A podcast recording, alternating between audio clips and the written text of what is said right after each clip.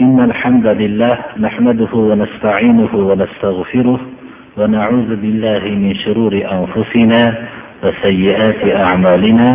من يهده الله فلا مضل له ومن يضلل فلا هادي له. وأشهد أن لا إله إلا الله وحده لا شريك له وأشهد أن محمدا عبده ورسوله. أما بعد السلام عليكم ورحمة الله وبركاته. Alloh subhanahu va taolo insonni a'zolari bilan yaratilish holati go'yo bir mamlakatga o'xshagan qilib yaratdi. Shu mamlakatda bir hokim borki ya'ni inson jasadining mamlakatida bir hokim borki bu hokimga hamma a'zolar tong vaqtida yolboradi. Va uning o'nglangan durust holatda bo'lishligini talab qilishadi. Chunki bu inson jasadining mamlakati a'zolarining salohiyatda bo'lishligi shu inson jasadining mamlakatidagi hokimga bog'liq bo'lganligi uchun ko'p yolborishadi abu saidin hudriy roziyallohu anhudan rivoyat qilingan hadis sharif mana bu so'zimizga dalil bo'ladiki nabiy sollallohu alayhi vasallamdan abu saidin hudriy roziyallohu anhu rivoyat qiladilarki payg'ambarimiz sollallohu alayhi vasallam aytdilarki فإن الأعضاء كلها تكفر اللسان تقول اتق الله فينا فإنما نحن بك فإن استقمت استقمنا وإن اعوججت اعوججنا imom termiziy o'zlarining hadis to'plamlarida keltirganlar. Odam farzandi ya'ni inson tong ottirishligi bilan a'zolarning hammasi tilga yolborisha boshlaydi. Aytishadiki bizni haqqimizda ollohdan qo'rqqin deyishadi. Ya'ni ey hokim biz seni a'zoyingmiz. Bizni haqqimizda sen ollohdan qo'rqqin deyishadi. Biz sen bilan birgamiz. Sen nima bo'lsang biz ham shunday bo'lamiz. Agar to'g'rilansang to'g'rimiz. Agar egri bo'lsang biz ham kun bo'yi egri bo'lamiz. Mana bu hadis sharif hammamizga ham bir jasadimizning o'nglanishligi haqida o'ylab qo'ymoqligimiz kerak. Rasululloh sollallohu alayhi vasallam bu jasad mamlakatidagi hokim bo'lmish tilni shunchalik muhim ekanligiga yo'llanma berdilarki inson hayotda bajaradigan amallarning hammasini tutqichi shu deb baho berdilar muozir roziyallohu anhudan rivoyat qilingan hadis sharif mana bu narsaga dalolat qiladiki muoz roziyallohu anhu aytadilarki قلت يا رسول الله أخبرني بعمل يدخلني الجنة ويباعدني من النار قال لقد سألت عن عظيم rasululloh sollallohu alayhi vasallamga aytdim deydilar muazib jabal roziyallohu anhu meni jannatga olib kiradigan va o'tdan jahannam o'tidan uzoqlashtiradigan amal bilan meni xabardor qiling dedim. Shunda rasululloh sollallohu alayhi vasallam juda katta narsani so'radingiz dedilar. Ya'ni haqiqatda ham inson hayotining hammasini hassos mo'min o'zini jannatga olib kiradigan amal va jahannam o'tidan uzoqlashtiradigan amal haqida bosh qotiradi hayotning o'zi asli ma'nosi shu. Demak katta narsani so'rading deb rasululloh sollallohu alayhi vasallam bizlarni ham ogohlantiryaptilar.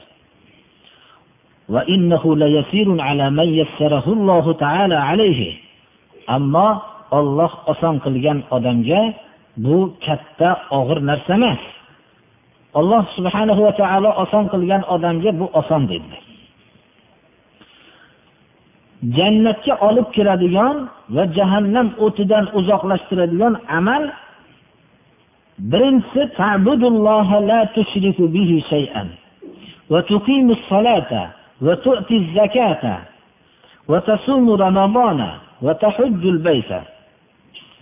islom asoslariga ishora qildilar. Ollohga hech bir narsani sharik qilmagan holatda ollohga ibodat qilasiz dedilar. Ya'ni tavhidni. Ibodat ya'ni shirkdan pok bo'lgan ibodat tavhid ma'nosidir. Namozni barpo qilasiz. Biz doim ogohlantiramiz namozni o'qiysizgina demadilar. Namozni barpo qilasiz dedilar.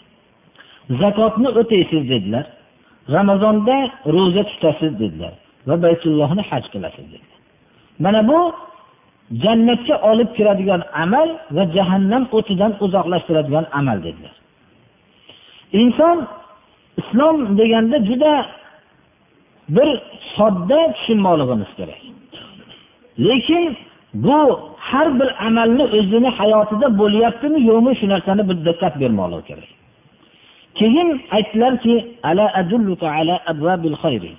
demak shu amallar bizni jannatga olib kiradigan va jahannam o'tidan uzoqlashtiradigan bo'lar ekan shu yaxshilik darvozalariga yo'llab qo'yaymi dedilar. Shu amallarni bajarishlikka kirishlik uchun darvozadan kirmoqligimiz kerak. Shuni darvozalariga yo'llab qo'yaymi dedilar. Darvozalari yaxshilik darvozalarini aytib berdilar. Bu so'zlar bilan bilamizki nafl ro'za ekanligini. Ro'za qalqon dedilar. Avvalda ramazonda ro'za tutishlik farz ekanligini aytdilar. U jannatga olib kiradigan va jahannam o'tidan uzoqlashtiradigan amallardan. Bu dalolat qiladiki ro'za qalqon degan nafr ro'zalarga ishora.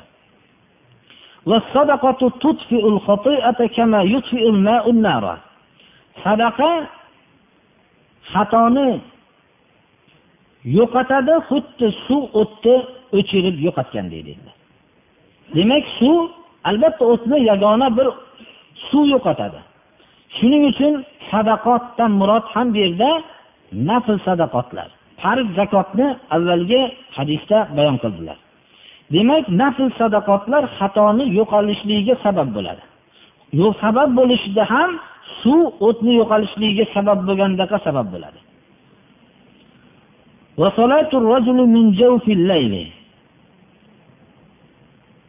Rasululloh sollallohu alayhi vasallam avvalgi hadislarda namozni barpo qilishlik ekanligini aytdilar. Va keyin kishining kechqurundagi namozi dedilar. Nafl namozlarni umumiy aytmadilar. Nafl namozlarning savobga bu savoblik amal ekanligida shak shubha yo'q. Lekin kechqurundagi kishining namozi yaxshilik darvozasi dedilar. Demak bir odam yaxshilik qilmoqchi bo'lgan odam birinchi nafl ro'za va nafl sadaqot va kechqurundagi namoz. Ko'proq mana tahajjud namozi mana bu yaxshilik darvozasi deb bilmoqligimiz kerak.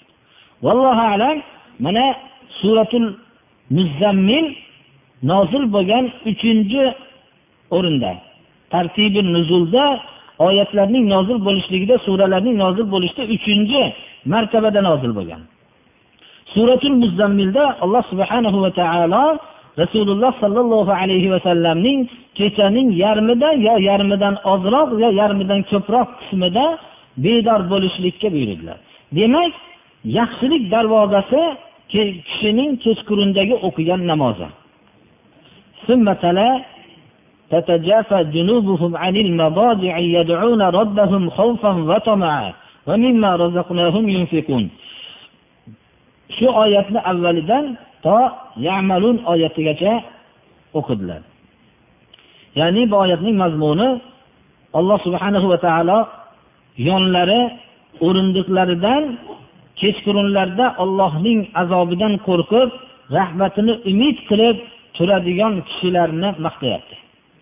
Ya'ni kechqurun o'rnidan turadigan odamlar ko'p. Ba'zi odamlar kasb uchun ba'zi odamlar boshqa maqsadlarda turadi. Lekin bular ollohning rahmatini umid qilib va azobidan qo'rqib turadi. Va shu bilan birga alloh subhana va taolo rizq qilib bergan narsani infoq qilishlik ham shart qilinyapti. Chunki mana sadaqot yaxshilik darvozalari bilan birga bo'lishligi kechqurunda bedor bo'lishlik bilan bir kishida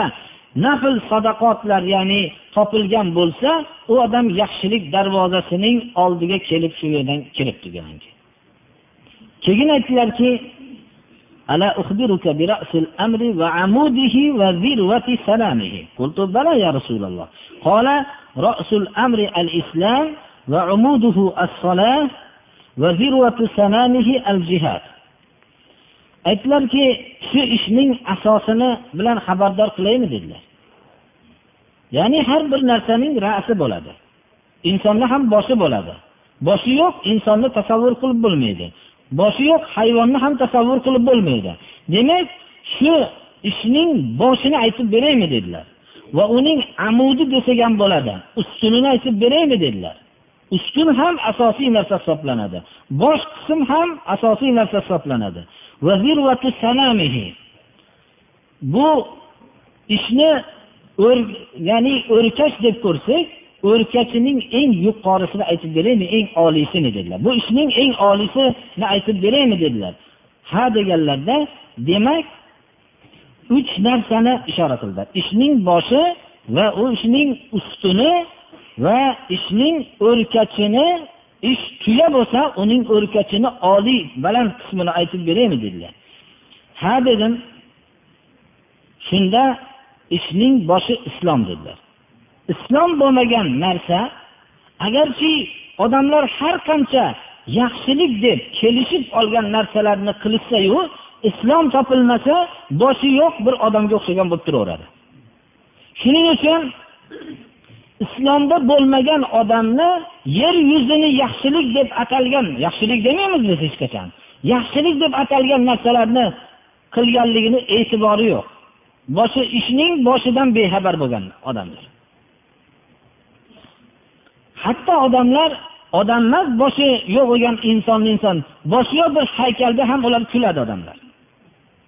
Islomni qilmasdan yaxshilik qilishlikka harakat qilayotgan odamning holi ham bir achinarli kulgili holatdadir. Ustini namoz dedilar. Demak shariat bir.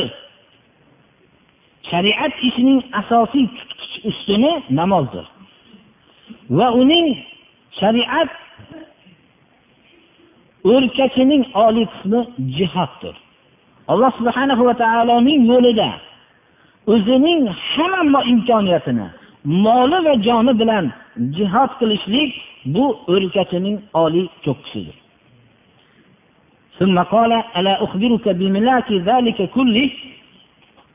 Buning milok shuning kuchini aytib beraymi dedilar. Shu ishning hammasini vujudga keltiruvchi narsa bor dedilar. Bala ya rasululloh aytib bering dedim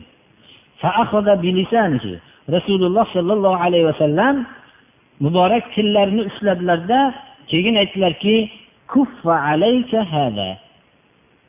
mana bu narsani tiygin dedilar tillarini ushlab turib mana bu narsani tiygin dedilar قلت يا رسول الله وإنا لمؤاخذون بما نتكلم به gapirgan so'zlarimiz bilan ham jazolanamizmi hisob qilinamizmi deb so'radi فقال ثقلتك أمك وهل يكب الناس في النار على وجوههم إلا حصائد ألسنتهم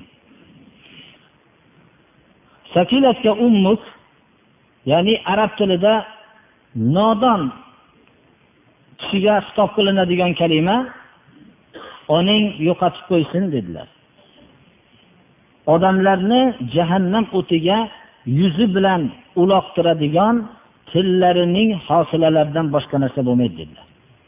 Odamlarning jahannam o'tiga uloqtiradigan narsa tillarining hosilasi bo'ladi dedilar. Mana bu hadis sharifda payg'ambarimiz sollallohu alayhi vasallam hamma yaxshilikning tutqisini vujudga kelishligining asosini aytib berdilar. Shuning uchun ham bizdagi eng katta musibat tilni saqlashlikni bu ne'matidan mahrumligimiz birodarlar va buning ne'matligini ham bilmaymiz alloh subhanahu va taolo mana bu oyatda استعيذ بالله ولا يغتب بعضكم بعضا أيحب أحدكم أن يأكل لحم أخيه ميتا فكرهتموه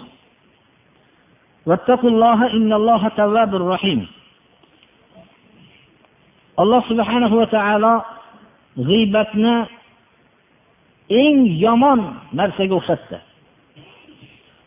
bir biringlarni ba'zilar ba'zilarni g'iybat qilmasin dedi sizlarning bittalaringlar birodarini o'lgan holatida go'shtini yeyishlikni yaxshi ko'radimi dedi ya'ni g'iybat qilishlikni birovning obro'sini to'kishlikka harakat qilishlikni o'lgan holatdagi birodarining insonning go'shtini yeyishlikka barobar qildi.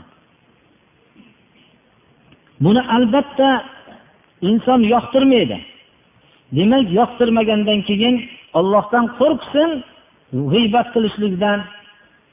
O'tgan g'iybatlariga tavba qilsin chunki olloh tavbani qabul qiluvchi va rahmdil zotdir. Ulamolardan bittalari tamsil qilib aytadilarki sen sharobni ichmaganman deb davo qilasan. Mast qiluvchi ichimlikni ichmaganman. Mast qiluvchi ichimlikni ichgan majlisda o'tirmaganman. Mast qiluvchi ichimlikni tayyorlagan joyga kirmaganman mast qiluvchi ichimlikni tayyorlagan odamlarga yordam bermaganman. Hatto bu mast qiluvchi ichimlikning mast qilishlik holatini mutlaqo bilmayman deb davo qilasan. Lekin mo'min odamni g'iybat qilayotgan vaqtda uni go'shtini yeb qonini ichishlik bundan yomonroq emasmi? Deb shunday tanqid qiladilar. Lekin shunchalik qattiq bo'lishligiga qaramasdan mo'minlar jamoasida mana shu g'iybat ya'ni tilni saqlashlik bu ne'mati yo'qdir birodarlar. Ammo zamoni saodatda bu narsa nihoyatda rasululloh sollallohu alayhi vasallam rahbarliklarida hamma sahobalarning o'rtalarida islomning boshqa rukunlari mujassam bo'lganga o'xshagan tilning saqlashlik xususan g'iybatdan o'zini tiyishlik nihoyat darajada bu ne'mat shoyi bo'lgandir. Ya'ni tillarni saqlashgandir.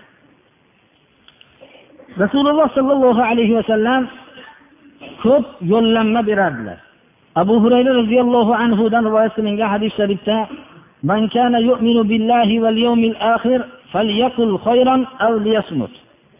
kim ollohga va qiyomat kuniga iymon keltirgan bo'lsa yaxshi so'zni gapirsin yoyinki yaxshi so'z topolmasa xomish bo'lsin.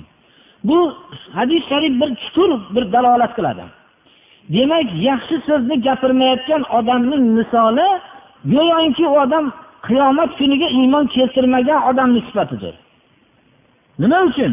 U qiyomatda inson tili bilan hisob qilinishligini bilgandan keyin qiyomatga kim allohgayu qiyomat kuniga iymon keltirgan bo'lsa yaxshi so'zni so'zlasin bo'lmasam xomush bo'lsin dedilar payg'ambarimiz sollallohu alayhi vasallamdan sahl ibn sad roziyallohu anhu rivoyat qiladilarki من يضمن لي ما بين لحييه وما بين رجليه أضمن له الجنة kim ikki jag'ining o'rtasidagi narsani saqlashlikka kafil bo'lsa va hamda oyog'i o'rtasidagi narsani haromdan saqlashlikka kafil bo'lsa men unga jannatga kafilman dedilar. Demak insonning jinsiy a'zosi bilan haromdan haromda yurib qo'yishligining gunohi qanchalik qattiq bo'lsa insonning tili bilan ham harom ya'ni shariat man qilgan g'iybat chaqinchilik tuhmatda yurishlikning gunohini balki undan ham yuqoriga qo'yib avval zikr qildi. Chunki inson jinsiy a'zosi bilan haromdan saqlanishligi mumkin. Ammo tili bilan birodarlar bundan saqlanadigan kishilar qalbi ochiq bo'lgan odamlar saqlanadi. Balki buni payg'ambarimiz sollallohu alayhi vasallam takror aytamiz o'zlarining hadisi muboraklarida muqaddam qilyaptilar. Abu hurayra roziyallohu anhudan rivoyat qilingan hadis sharifda innal abda la yatakallamu bil kalima ma yatabayyanu fiha yazillu biha ila an-nar ab'ada mimma bayna al-mashriq wal maghrib. Banda bir so'zni aytadi bil kalima toyi vahdat bil kalimatil vahida. Bitta so'zni aytib qo'yadi. Uni o'ylamasdan gapiradi.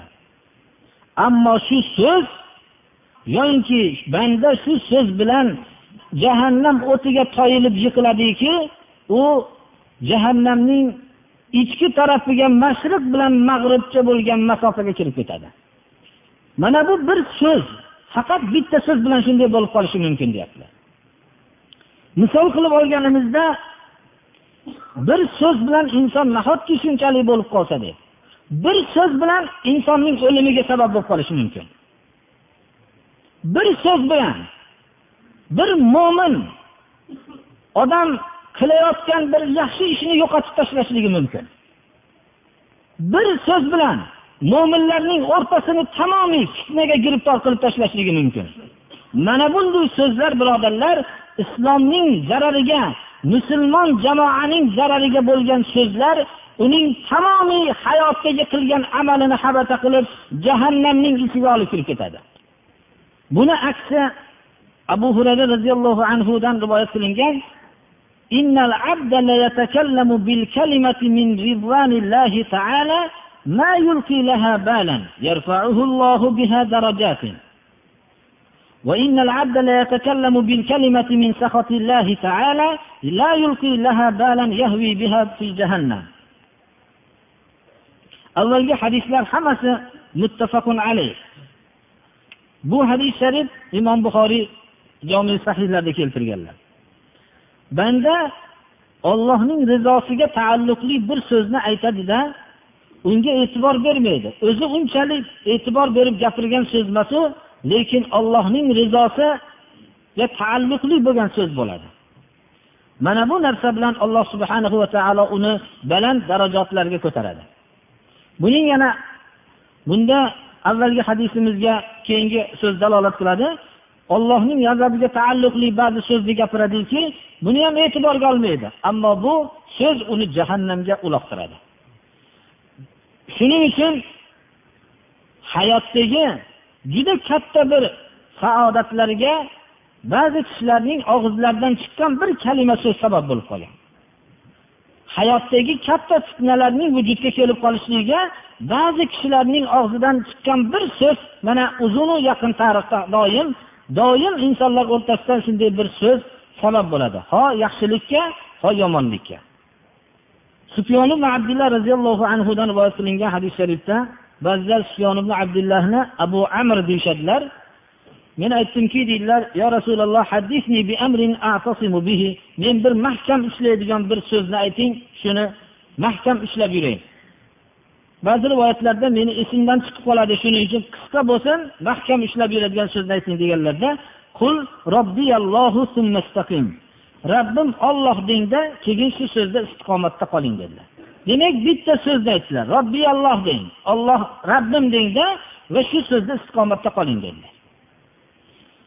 قلت يا رسول الله ما أخوف ما تخاف علي meni ustimda eng siz qo'rqadigan narsaning qo'rqinchlirog'i nima deb so'radi meni qaysi amalimdan qo'rqasiz deganlarida rasululloh sollallohu alayhi vasallam o'zlarining tillarini ishlab aytgan ekanlarki hada mana bu narsa sizni seni ustingda qo'rqadigan narsalarning eng qo'rqinchlisi shu degan ekanlar imom termiziy rivoyat qilganlar payg'ambarimiz sollallohu alayhi vasallam gapning ko'pini ollohni zikriga taalluqli bo'lmagan ko'p gaplarni qalbning qorayishligiga qattiqlashishligiga sabab qilib va ollohdan eng uzoq bo'lishlikka sabab deb bayon qildilar لا تكثروا الكلام بغير ذكر الله فإن كثرة الكلام بغير ذكر الله تعالى قسوة للقلب وإن أبعد الناس من الله القلب القاسي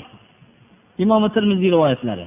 Abdulloh ibn umar roziyallohu anhu rivoyat qilganlar rasululloh sollallohu alayhi vasallam ollohni zikrigadan boshqa so'zlarni ko'paytirmanglar dedilar. Chunki ollohni zikrisiz bo'lgan gapning ko'pi qalbning qorayib qattiqlashligiga sabab bo'ladi dedilar.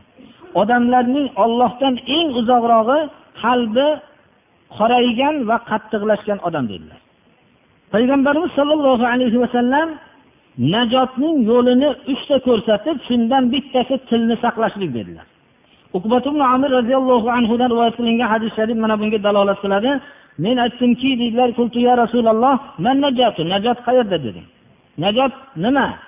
deganlarda shu uchta so'zni aytdilar. Hammamiz ham shunga eshitib amal qilmoqligimiz kerak. Najot nima? deganlarida uchta so'z aytdilar. Tilingni mahkam ushla dedilar. Til birodarlar juda mahkam joyga o'rnagan. Tilni birinchi yanida eng qattiq agar orasiga kirib qolsa uzib tashlaydigan mustahkam tish bilan himoya qildirib qo'yilgan. Undan keyin lab bilan bekitilingan til nihoyat darajada harakati tez bo'lishligiga qaramasdan nihoyatda alloh subhanahu va taolo insonga shunday nutq berganki shunday alloh subhanahu va taolo imkoniyat berganki agar bu tishning orasiga qattiq bir tosh harakatlanib turgan vaqtda kirib qolsa ham mayda qilib tashlaydigan toshni mayda qilib tashlaydigan tishni oldida nihoyat darajada tez harakatlanib turadi. Alloh subhanahu va taolo mana bu qattiq bir to'siq bilan to'sib qo'ygan. Va undan keyin lab bilan to'silgan. Agar inson o'zini labini yumib olsa har qanday kuchli odam ham uning labini ichidagi narsani olishlikka imkoniyat topolmaydi. Shunday hujjatni barpo qildi. Abu bakr roziyallohu anhu og'izlariga tosh solib yurar ekanlar. Bir gap kelib qolsa oldin fikrlar ekanlarda shu gap agar ollohu rasulini rozi qiladigan so'z bo'lsa ya'ni darajotlarni ko'taradigan so'z bo'lsa shu toshni olib gapirar ekanlar. Va goho tillarini tillarini chaynab chaynab tishlab qo'yar ekanlar. Deb qo'yar ekanlar. Bu narsa meni ko'p yomon o'rinlarga olib keldi bu til deb qo'yar ekanlar. Payg'ambarimiz sollallohu alayhi vasallamning yo'llanmalarini ular hayotga tadbiq qilishganlar. Amsik alayka lisanak dedilar. Birinchi tilingizni tiying dedilar. Ikkinchi uying seni sig'dirsin dedilar. Bu ham bir najotning haqiqiy. Bo'lib ham hozirgi vaqt birodarlar bizga mana bu uying seni sig'dirsin degan so'z najotning asosiy yo'llaridan bo'lib qoldi hozirgi vaqt. Ko'chaga chiqishligingiz bilan fisqi pujurga ro'baro bo'lasiz. Ko'p kishilarni uyi o'zini sig'dirmay qo'ygan chunki uyda rohat yo'q. Farzandlar tutatib turadi yoinki dovdirab keladi uyda rohat yo'q. Ota onani hurmat qilmaydi shuning uchun u uy unga tanglashib qolgan. Uyiga dunyoning hamma tovuqni katagiga sig'adiyu uyga sig'maydi. Chunki uy jahannamning bir bo'lagiga aylanib qolgan. Olloh rasulini zikri yo'q. Olloh rasulini buyrug'i bo'lmaydi. U yerda pis hujur shariat rioya qilinmagan uylar odamlarning qarigan vaqtida sig'dirmay qo'yyapti. Uying seni sig'dirsin deganda nima uchun uy odamni sig'diradi? والذين يقولون ربنا هب لنا من أزواجنا وذرياتنا قرة أعين ey robbimiz bizlarga ayollarimizdan juftlarimizdan ayollar o'zlarining juftlari er kishilarning o'zlarining juftlari va farzandlarimizdan ko'zlarimiz quvonadiganini bergin ya'ni mo'min odamning ko'zi nima bilan quvonadi o'zining oilasini shariatga muvofiq yurishligini ko'rishlik bilan quvonadi. Ayol kishi o'zining turmush o'rtog'ini qanday bo'lishligi bilan quvonadi. Shariatning buyrug'ini rioya qilib yurganligi turmush o'rtog'ini ko'rib quvonadi. Farzandlari o'g'il qizlarining hammasini shariatga muvofiq yurishligini ko'rib quvonadi va uyda ko'zining quvonchi bo'lganligi uchun uy uni sig'diradi. Uying seni sig'dirsin. Degan so'z. Hozir ko'p kishilarning uyi sig'dirmay qo'ygan.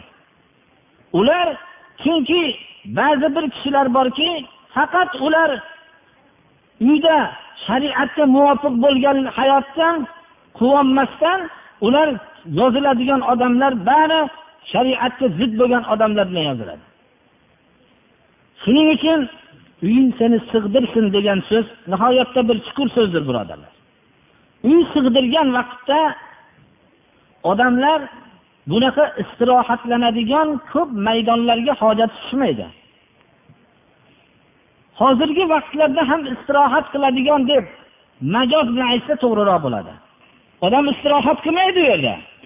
Lekin istirohat qiladigan deb atalgan nomi yozib qo'yilgan joylarda hammasida mo'min odam yozilolmaydi birodarlar. Chunki ollohga osiy bo'layotgan hayotni ko'rganda u hech qachon quvnamaydi xursand bo'lmaydi. Rasululloh sollallohu alayhi vasallamning agar shu hadislaridagi shu so'z hayotda tadbiq bo'lganda odamlar uyidan ko'ra istirohatlanadigan maydonni topisholmay qolgan bo'lardi. O'tgan xatolaringga yig'la dedilar. Najot shu dedilar. Uchta narsa o'tgan xatolarga yig'lashlik nihoyatda bir muhimdir birodarlar. Alloh subhana va taolo mag'firat qildimikin degan tashvishda bo'lmoqligi kerak.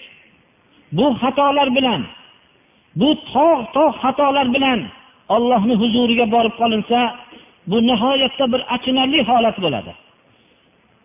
Xatoga yig'lagan ko'z yoshi oqqan ko'zni o't tegmaydi birodarlar. Ikkita ko'z ollohni o'ti unga tegmaydi.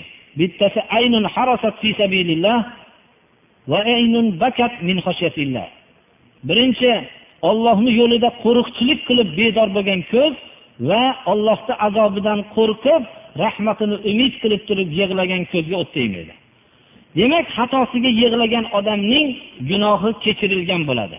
Xatoga yig'lashlikni xoli soatda yig'lashlikni mana bu hadis sharifda najot deb atayaptilar. Payg'ambarimiz sollallohu alayhi vasallam hajjatul vadoda minoda yavmun nahrda eng ulug' soatda insonga muyassar bo'lgan soatning eng ulug'ida shu so'zni aytib nasihat qildilar. وأعراضكم حرام عليكم كحرمة يومكم هذا في شهركم هذا في بلدكم هذا ألا هل بلغت sizlarni qoninglar molinglar obro'yinglar mo'min odamni qoni moli va hamda obro'sini barobar qo'ydilar birovni qonini to'kishlik qancha gunoh bo'lsa uning molini talon taroj qilishlik ham shunchalik gunohdir birodarlar Va shu obro'sini to'kishlik ham shunchalik qattiq gunohdir. Bularni payg'ambarimiz sollallohu alayhi vasallam qonini to'kishlikni molini talon taroj qilishlikni obro'siga putur yetkazib to'kishlikni harom dedilar. Va ogohlantirdilarki xuddi shu shahrul haromda va baladul haromda shu ishlarni qilishlik ehromda turganda harom edi xuddi shunga o'xshagan harom dedilar. Va ala hal yetkazdimmi ollohni hukmini deb qo'ydilar. Bu so'z nihoyatda muhimligidan shu hukmni yetkazdimmi dedilar. Payg'ambarimiz sollallohu alayhi vasallamdan oysha roziyallohu anhu onamiz rivoyat qiladilarki nabiy sollallohu alayhi vasallamga hasbuka min safiyata kada va kada qala ba'du ruwati tani sofiya binti huyay roziyallohu anhoni bo'yi pastayligiga ishora qilib payg'ambarimiz sollallohu alayhi vasallamga oysha onamiz aytdilar. Shunda payg'ambarimiz sollallohu alayhi vasallam aytdilarki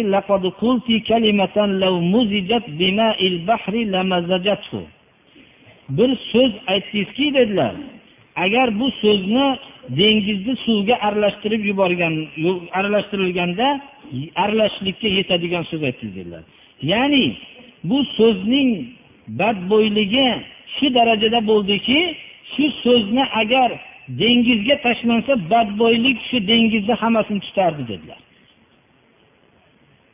G'iybatga o'zi mana shu so'z yetadi birodarlar. Agar shu so'z bilan biz ta'sirlanmas ekanmiz boshqa biz so'z bilan ta'sirlanmaymiz. Demak bo'yining pastayligi bor sifatidir bo'yi pastayligi bor edi. Shuni nihoyat darajada qattiq bir haqorat qilib ham aytganlari yo'q. Bo'yini pastayligi o'zi ko'nglingizni sovushligiga shu yetadi degan so'zni aytuvdilar xolos. Mana shu so'zni aytdilarki badbo'yligi shunchalik badbo'y so'zki dengizga aralashtirsa yetadi dedilar. Anas roziyallohu anhudan mana rivoyat qilingan hadis sharif borki tushlarini bayon qilinganda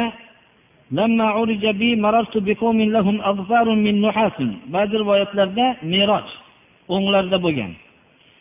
Meni merosga olib chiqilganda bir toifa odamlarning oldidan o'tdim dedilar.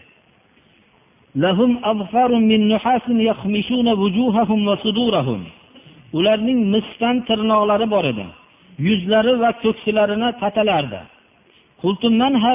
Jibril? Ey jibril bular kimlar? dedim. Shunda aytdilarki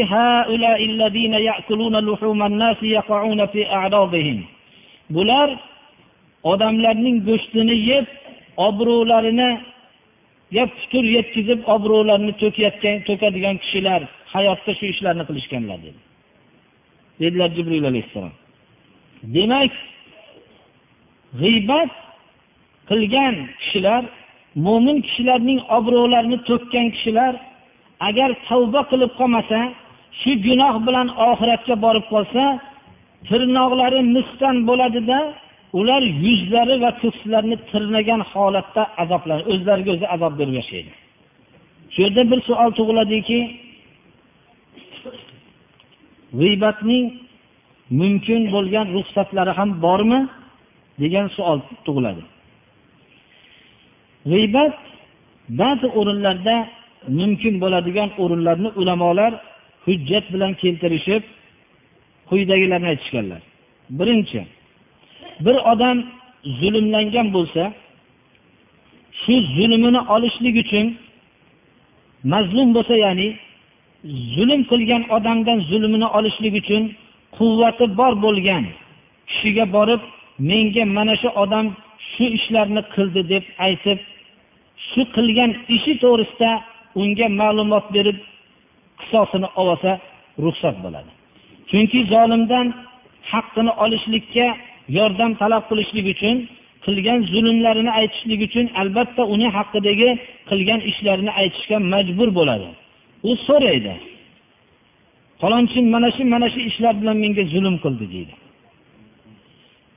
Ikkinchi munkar narsani o'zgartirishlikka yordam talab qilishlik maqsadida mumkin bo'ladi.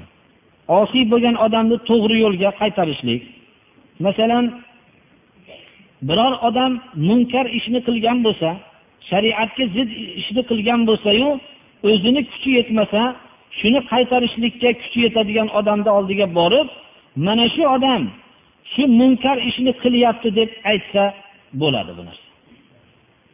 Shuni tiyib qo'ying shu narsadan deb bo'lsa maqsadi shu munkarni yo'qotishlik bo'lsa. Agar munkarni yo'qotishlik maqsadi bo'lmasa u ham durust emas degan ekanlar. Fatvo so'rashlik maqsadida uchinchi masalan bir fatvo beruvchi kishiga falonchi menga zulm qildi yo dadam zulm qildi yoinki aka ukam zulm qildi yoinki oilam zulm qildi yo ayol kishi turmush o'rtog'im zulm qildi mana shu ishlarni qildi shu haqda men nima bilan qutulaman deb fatvo so'rashlik maqsadida shuni g'iybatga taalluqli bo'lgan so'zlarni aytsa ruxsat deyishgan ekanlar. To'rtinchi musulmon kishilarni yomonligidan ogohlantirib qo'yishlik maqsadida. Bir odam masalan yomon odam shariatga zid ishlari bor. Shuning uchun mana shu odamdan ehtiyot bo'lasiz deb shuni ogohlantirib musulmonlarni shuni zararidan himoya qilishlik maqsadida uni kamsitadigan so'zlarni bor so'zlarni aytsa ruxsatdir.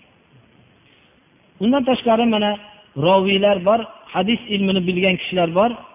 Hadis ilmida zehni past bo'lgan yo yolg'on gapirgan so'z agar bironta hayotida yolg'on gapirib qo'ygan bo'lsa shu bilan ularning hadislarini muhaddis ulamolar qabul qilishmaydida u falonchi shu bitta yolg'oni bilan kazzob deb qo'yaveradi. Mana bu so'zlarga o'xshagan. Chunki bu shariatni himoya qilishlik uchun bu so'zlarni aytishlik zarurdir. Masalan bir odam quda bo'lmoqchi bo'lsa yoki biror bir tijorat ishida sharik bo'lmoqchi bo'lsa yo unga bir omonat qo'ymoqchi bo'lsa yo u bilan biror oddiy ishlarda muomala qilmoqchi bo'lsa shunda maslahat so'rasa bir kishidan al mustasharu mu'tamanah deganlar rasululloh sollallohu alayhi vasallam maslahat so'ralgan odam omonatlidir to'g'ri maslahat berish kerak bo'ladi. Shuning uchun shu maslahat so'ralganda quda bo'lish bu jiddiy narsa bo'lganligi uchun shu maslahatni shunday to'g'risini aytib uni aybi bo'lsa aytib qo'yilgan ma'qul bo'ladi.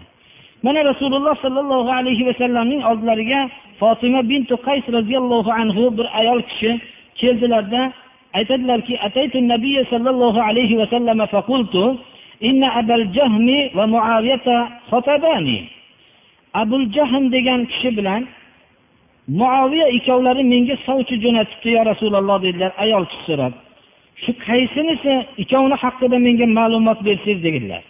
Shunda rasululloh sollallohu alayhi vasallam aytdilarki amma muaviyatu fasulukun la mala lahu va amma abul jahmi fala yada'u asa ala an atqihi muoviya dedilar hech qanday qo'lida moli yo'q kambag'al dedilar. Omonat aytib qo'ydilar. Abul jahm bo'lsa uni yelkasidan kaltak tushmaydi dedilar. Ya'ni ayollarni ko'p uradigan dedilar. Yo bo'lmasam yelkasidan aso tushmaydi degani hech safardan bo'shamaydi deganlar. Ya'ni yelkasida aso bilan doim bir narsasini ilib yuraveradi deganlar. Bu ayol kishi o'ziga sovchi jo'natgan odam haqidagi ma'lumotni aytib berdilar. Mana bu narsani hujjat qilishadilar shu to'rtinchi sabablardan ba'zisi mana aytib o'tdik hozirgi vaqtda birov bilan sharik bo'lishlik haqida yoki bir omonat qo'yishlik haqida hozir nihoyatda bir zarur bo'lib qolgan ko'p kishiga. Biror bir odamga omonat qo'ysam bo'ladimi desa e u falonchi va pistonchi va hokazo shularga xiyonat qilgan xoindir deb aytib qo'yishlik kerak bo'ladi. Yoyinki biror bir tijoriy ishda men sharik bo'lsam bo'ladimi desa albatta uni hech qachon bo'lmaydi yo bo'ladi deb aytishlik albatta bo'ladini aytishlikda hech qanday ixtilof yo'q. Lekin uning aybini so'raydi nima sababdan bo'lmaydi nima hujjatingiz bor degan vaqtda hujjatni aytishlikka albatta uning kamsitadigan so'z bilan bayon qiladi. Mana bu so'zlarda ruxsat berishgan ekanlar. Chunki bu mo'min odamni haqida bir la zarari va la ziror mo'min odamga zarar bo'lishligini mo'min odam ravo ko'rmasligi kerak. Beshinchisi fisqi bilan oshkor bo'lgan odam yo bid'ati bilan oshkor. Oshkor bid'atlarni qilib yurgan odam va fisq hujur bilan oshkor. Masalan aytaylik mast qiluvchi ichimlikni ichib yurishligi bilan buni aytib ogohlantirib qo'yishlik yoyinki bid'at ishlarni qiladi. Mana shunday bid'atlarni qilib yuruvchi odam bu bilan ko'p yaqin bo'lmagin deydi. Oltinchisi tanitish. Masalan bir kishi biror bir laqab bilan mashhur bo'lgan bo'lsa shu laqabni aytmaguncha uni tanimaydi hech kim. Shunaqa soatda tanitish maqsadida shu laqabini aytsa ruxsat berishganlar. Lekin bu ham kamsitish maqsadida bo'lmasligi kerak. U o'zi bilan ollohning o'rtasida sir bo'lib qoladi. kamsitish uchun aytdimi yo boshqa maqsadlarmi masalan shunga o'xshagan holatlarni ham dalil keltiriladiki masalan biror aybini zararini shudan saqlanishlik uchun gapirilgan misollarga oilaviy holatlarda bo'lishligi mumkin. Oyisha roziyallohu anhodan rivoyat qilinadiki bu kishi aytadilarki qolat hindun imroatu abi sufyan lin nabiy sollallohu alayhi vasallam inna aba sufyana rajulun sahihun. وليس يعطيني ما يكفيني وولدي إلا ما أخذت منه وهو لا يعلم قال خذي ما يكفيك وولدك بالمعروف حديث متفق عليه hind ya'ni abu sufyonning ayoli hind rasululloh sollallohu alayhi vasallamning oldilariga kelib abu sufyon ya'ni turmush o'rtog'im juda bir baxil odam menga masalan o'zimgayu farzandimga kifoya qiladigan narsani doim berib turmaydi Magar bilmagan holatda olsam keyin beradi. Shu shu berishligini ma'nosi shu ya'ni olsam bo'ladi. Boshqa iloji yo'q deganlarda o'zingga va farzandingga ma'rufan o'rtacha yetadigan narsani olaver dedilar ruxsat berdilar. Shunda abu sufyonni kamsitib qo'ydi hind. Shu so'zlarni ruxsat deb payg'ambarimiz sollallohu alayhi vasallam eshitib turdilarmi shuni? Demak bu narsani ruxsatligiga dalil bo'ladi deyishdilar. Tildan biz bu g'iybatdan ham yomoni chaqimchilik. Bu haqda hammamiz ham mashhur hadisni bilamiz. Bu hadis muttafaqun alayhi hadisi. Payg'ambarimiz sollallohu alayhi vasallamdan abdulloh ibn abbos roziyallohu anhu rivoyat qiladilar. Ikkita qabrni oldidan payg'ambarimiz sollallohu alayhi vasallam o'tdilar. Ikkovi azoblanyapti shu qabrdagilar dedilar. Gunohi kabira sababli azoblanayotgani yo'q dedilar. bala innahu kabir dedilar. Birdan vahiy keldida mana hadisni sharhlarida shunday deyiladi. Gunohi kabira emas deb o'ylagan ekanlar e, chaqimchilikni va hamda bu bavldan ehtiyot bo'lmaslikni yo'q gunohi kabira sababli azoblanyapti dedilar keyin. Ikkovining bittasi chaqimchilik bilan yurardi odamlarni o'rtasida dedilar. Ikkinchisi o'zining bavlidan ehtiyot bo'lmasdi dedilar. Ya'ni hozirgi ajnabiy millatlarga o'xshagan o'zini bavlidan ehtiyot bo'lmasdi dedilar. Ya'ni liboslarga sachrashligi va hokazo badaniga sachrashligidan ehtiyot bo'lmasdi dedilar.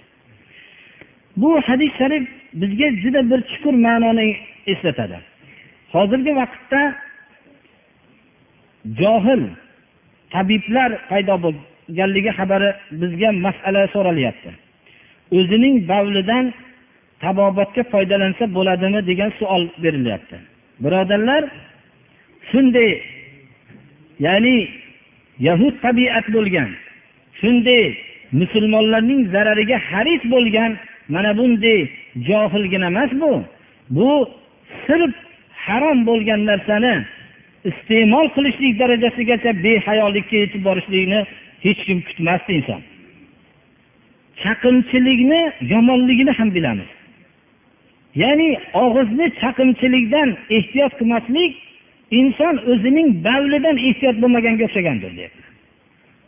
Ajab emaski chaqimchilikni odat qilib yurgan odam bavlidan ham ehtiyot qilmasdan iste'mol qilish darajasiga chiqib ketsa. Biz mana bu narsani tushunmoqligimiz kerak birodarlar.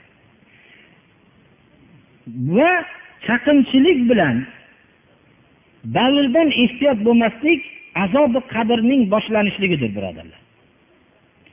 Va bu hadis sharif bir tarafdan shunga dalolat qilsa ikkinchi tarafdan bu hadis muttafaqun alay hadisdir bu birodarlar. Azobi qabr haqida ba'zi bir noto'g'ri fikrda yurgan odamlarga ham bu zarbadir birodarlar. Azobi qabrni hatto inkor qilishlik darajasiga chiqib qolgan toifalarga ham bu raddiyadir birodarlar. Bu hadis muttafaqun alaydir bu. Va yana biz o'zimizga xulosa chiqarib olishimiz kerakki bu hadis sharifdan inson chaqimchilik bilan birinchi hali qiyomatga bormasdan turib qabrda uning azobi boshlanadi. Bovlidan ehtiyot bo'lmagan odamlar. Istitor satr. Ya'ni bu hali bu sochi chachrashligi ham emas birodarlar. Yoki shunga bog'lasak chachrashi ma'nosini olsak bo'laveradi. Ya'ni bavlidan o'zini bekitmasdi. Mana bu odam azobi qabrga boshlanishi birinchi shu amali azobi qabrga sabab bo'ladi. Shuning uchun biz mana bu hadis sharifdan biz bir taraflama bazildan ehtiyot bo'lishligimiz qanchalik zarur bo'lsa chaqimchilikdan ham og'zimizni ehtiyot qilishligimiz shunday bo'lmoqligi kerak. Alloh subhanahu va taolo darsimizni mana bu qabul qilsin. Bu yerda men ba'zi bir savollarga qiyomatning alomatlaridan bittasi ilm ko'tarilishligidir birodarlar. Hozirgi vaqtda ilmga harakat qilmay qolishlik bu juda bir qiyomatni alomatlaridandir va zuhurul jahl jaholatning fosh bo'lishligi.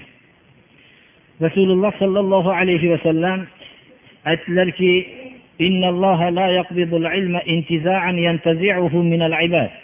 alloh taolo ilmni bandalarni qalbidan shunday sug'urib olib qo'ymaydi. Ya'ni olimlar ertaman tursa ilmsiz bo'lib qolib ilm qalbidan chiqib ketib shunday bo'lib ilmni bu suratda olmaydi. Ilmni ulamolarni vafot toptirishlik bilan oladi. Hatto bironta olimni alloh subhanahu va taolo qo'ymagandan keyin odamlar o'zlariga johillarni peshvo qilib oladi. Bu hadis sharif johillarni o'zlariga peshvo qilib oladi deyilyapti demak odamlar bir tarafdan aybdorki o'ziga johil odamni peshvo qilib olishligi hozir unda uni aksi ham bo'lyapti birodarlar. Odamlar johillarni peshvo qilishlikdan ilgari johillar o'zi peshvo bo'lyapti. Ba'zi mahallalarda mana tekshirib ko'rsangiz birodarlar hayotida men o'tgan davrini aytmoqchi emasman. O'tgan davrini men kamsitib gapirmoqchi emasman. Lekin islomni bilmagan o'tgan davrida hech narsani bilmagan yoshi ulg'ayib qolib biror bir xalqni o'rtasida bir gapi o'tibroq gapi yurib turgan odam bo'lsa mahalladagi butun namozga o'tishlikni ham shunday johil odamni bo'lib qolishligi bu musibat birodarlar. U odam aytishligi kerakki birodarlar men namozga o'tishligim mumkin emas mening bir qiroatlarim sahih emas mening shariat ilmlarini bilmayman bironta bir biladigan mana bu ukalarimiz yo bir boshqa bir kishini tanlaylik deb aytmoqligi kerak birodarlar. Ular so'raladi. Masala ulardan so'ralsa ilmsizlik bilan fatvo beraveradi. Beraveradi bilmaydigan narsasi bo'lmaydi uni. Va o'zlari ham adashib boshqalarni ham adashtiradi. Shuning uchun mana bu qiyomatning alomatlaridan dedilar rasululloh sollallohu alayhi vasallam.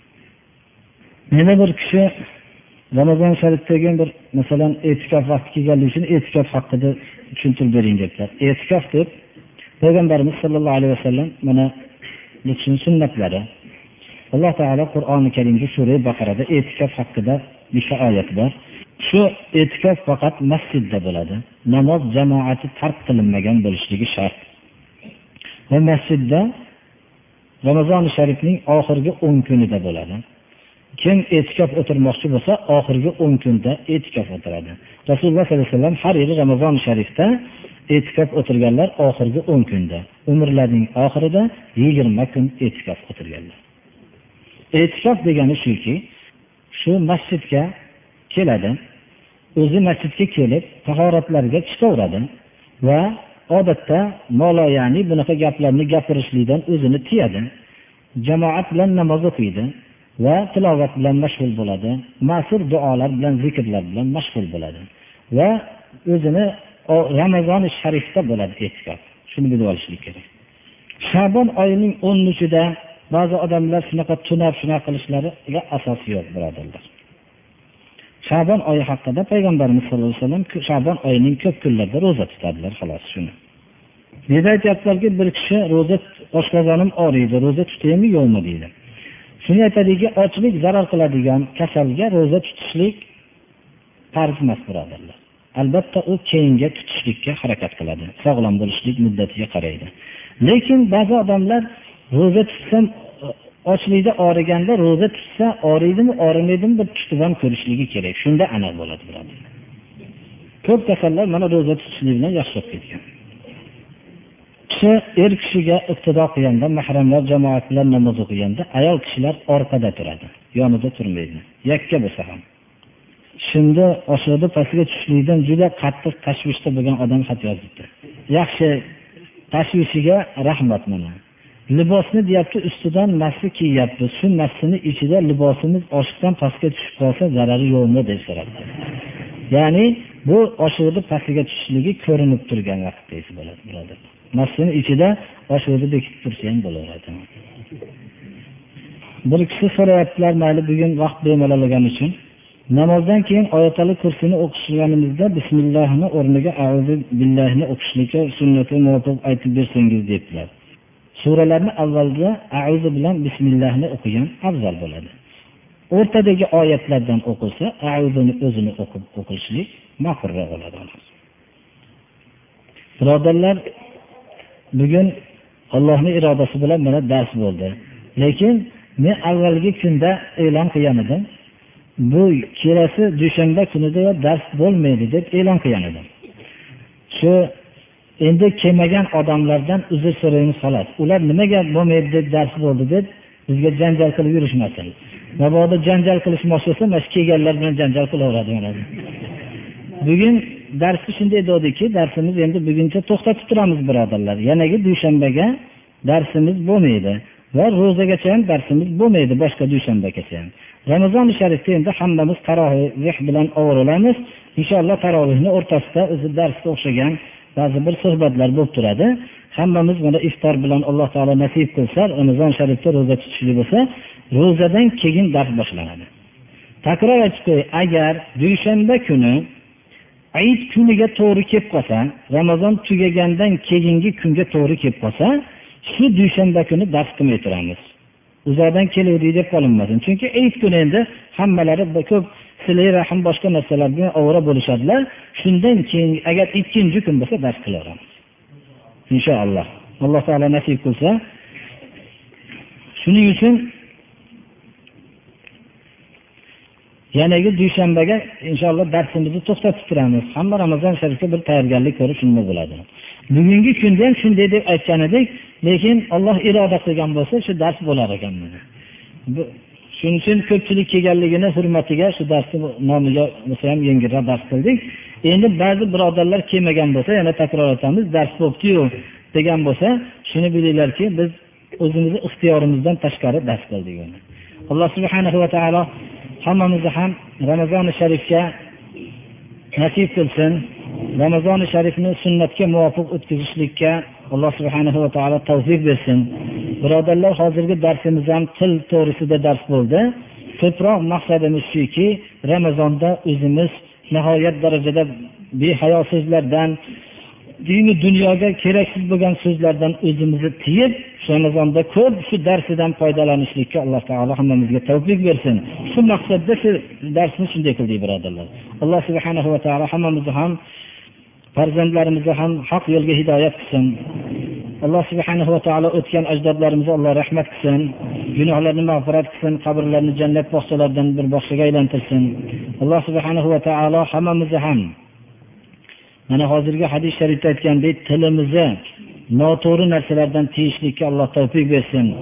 Uyimiz hammamizni sig'dirsin va xatolarimizga yig'laydigan kishilardan bo'laylik. Sallallohu taala ala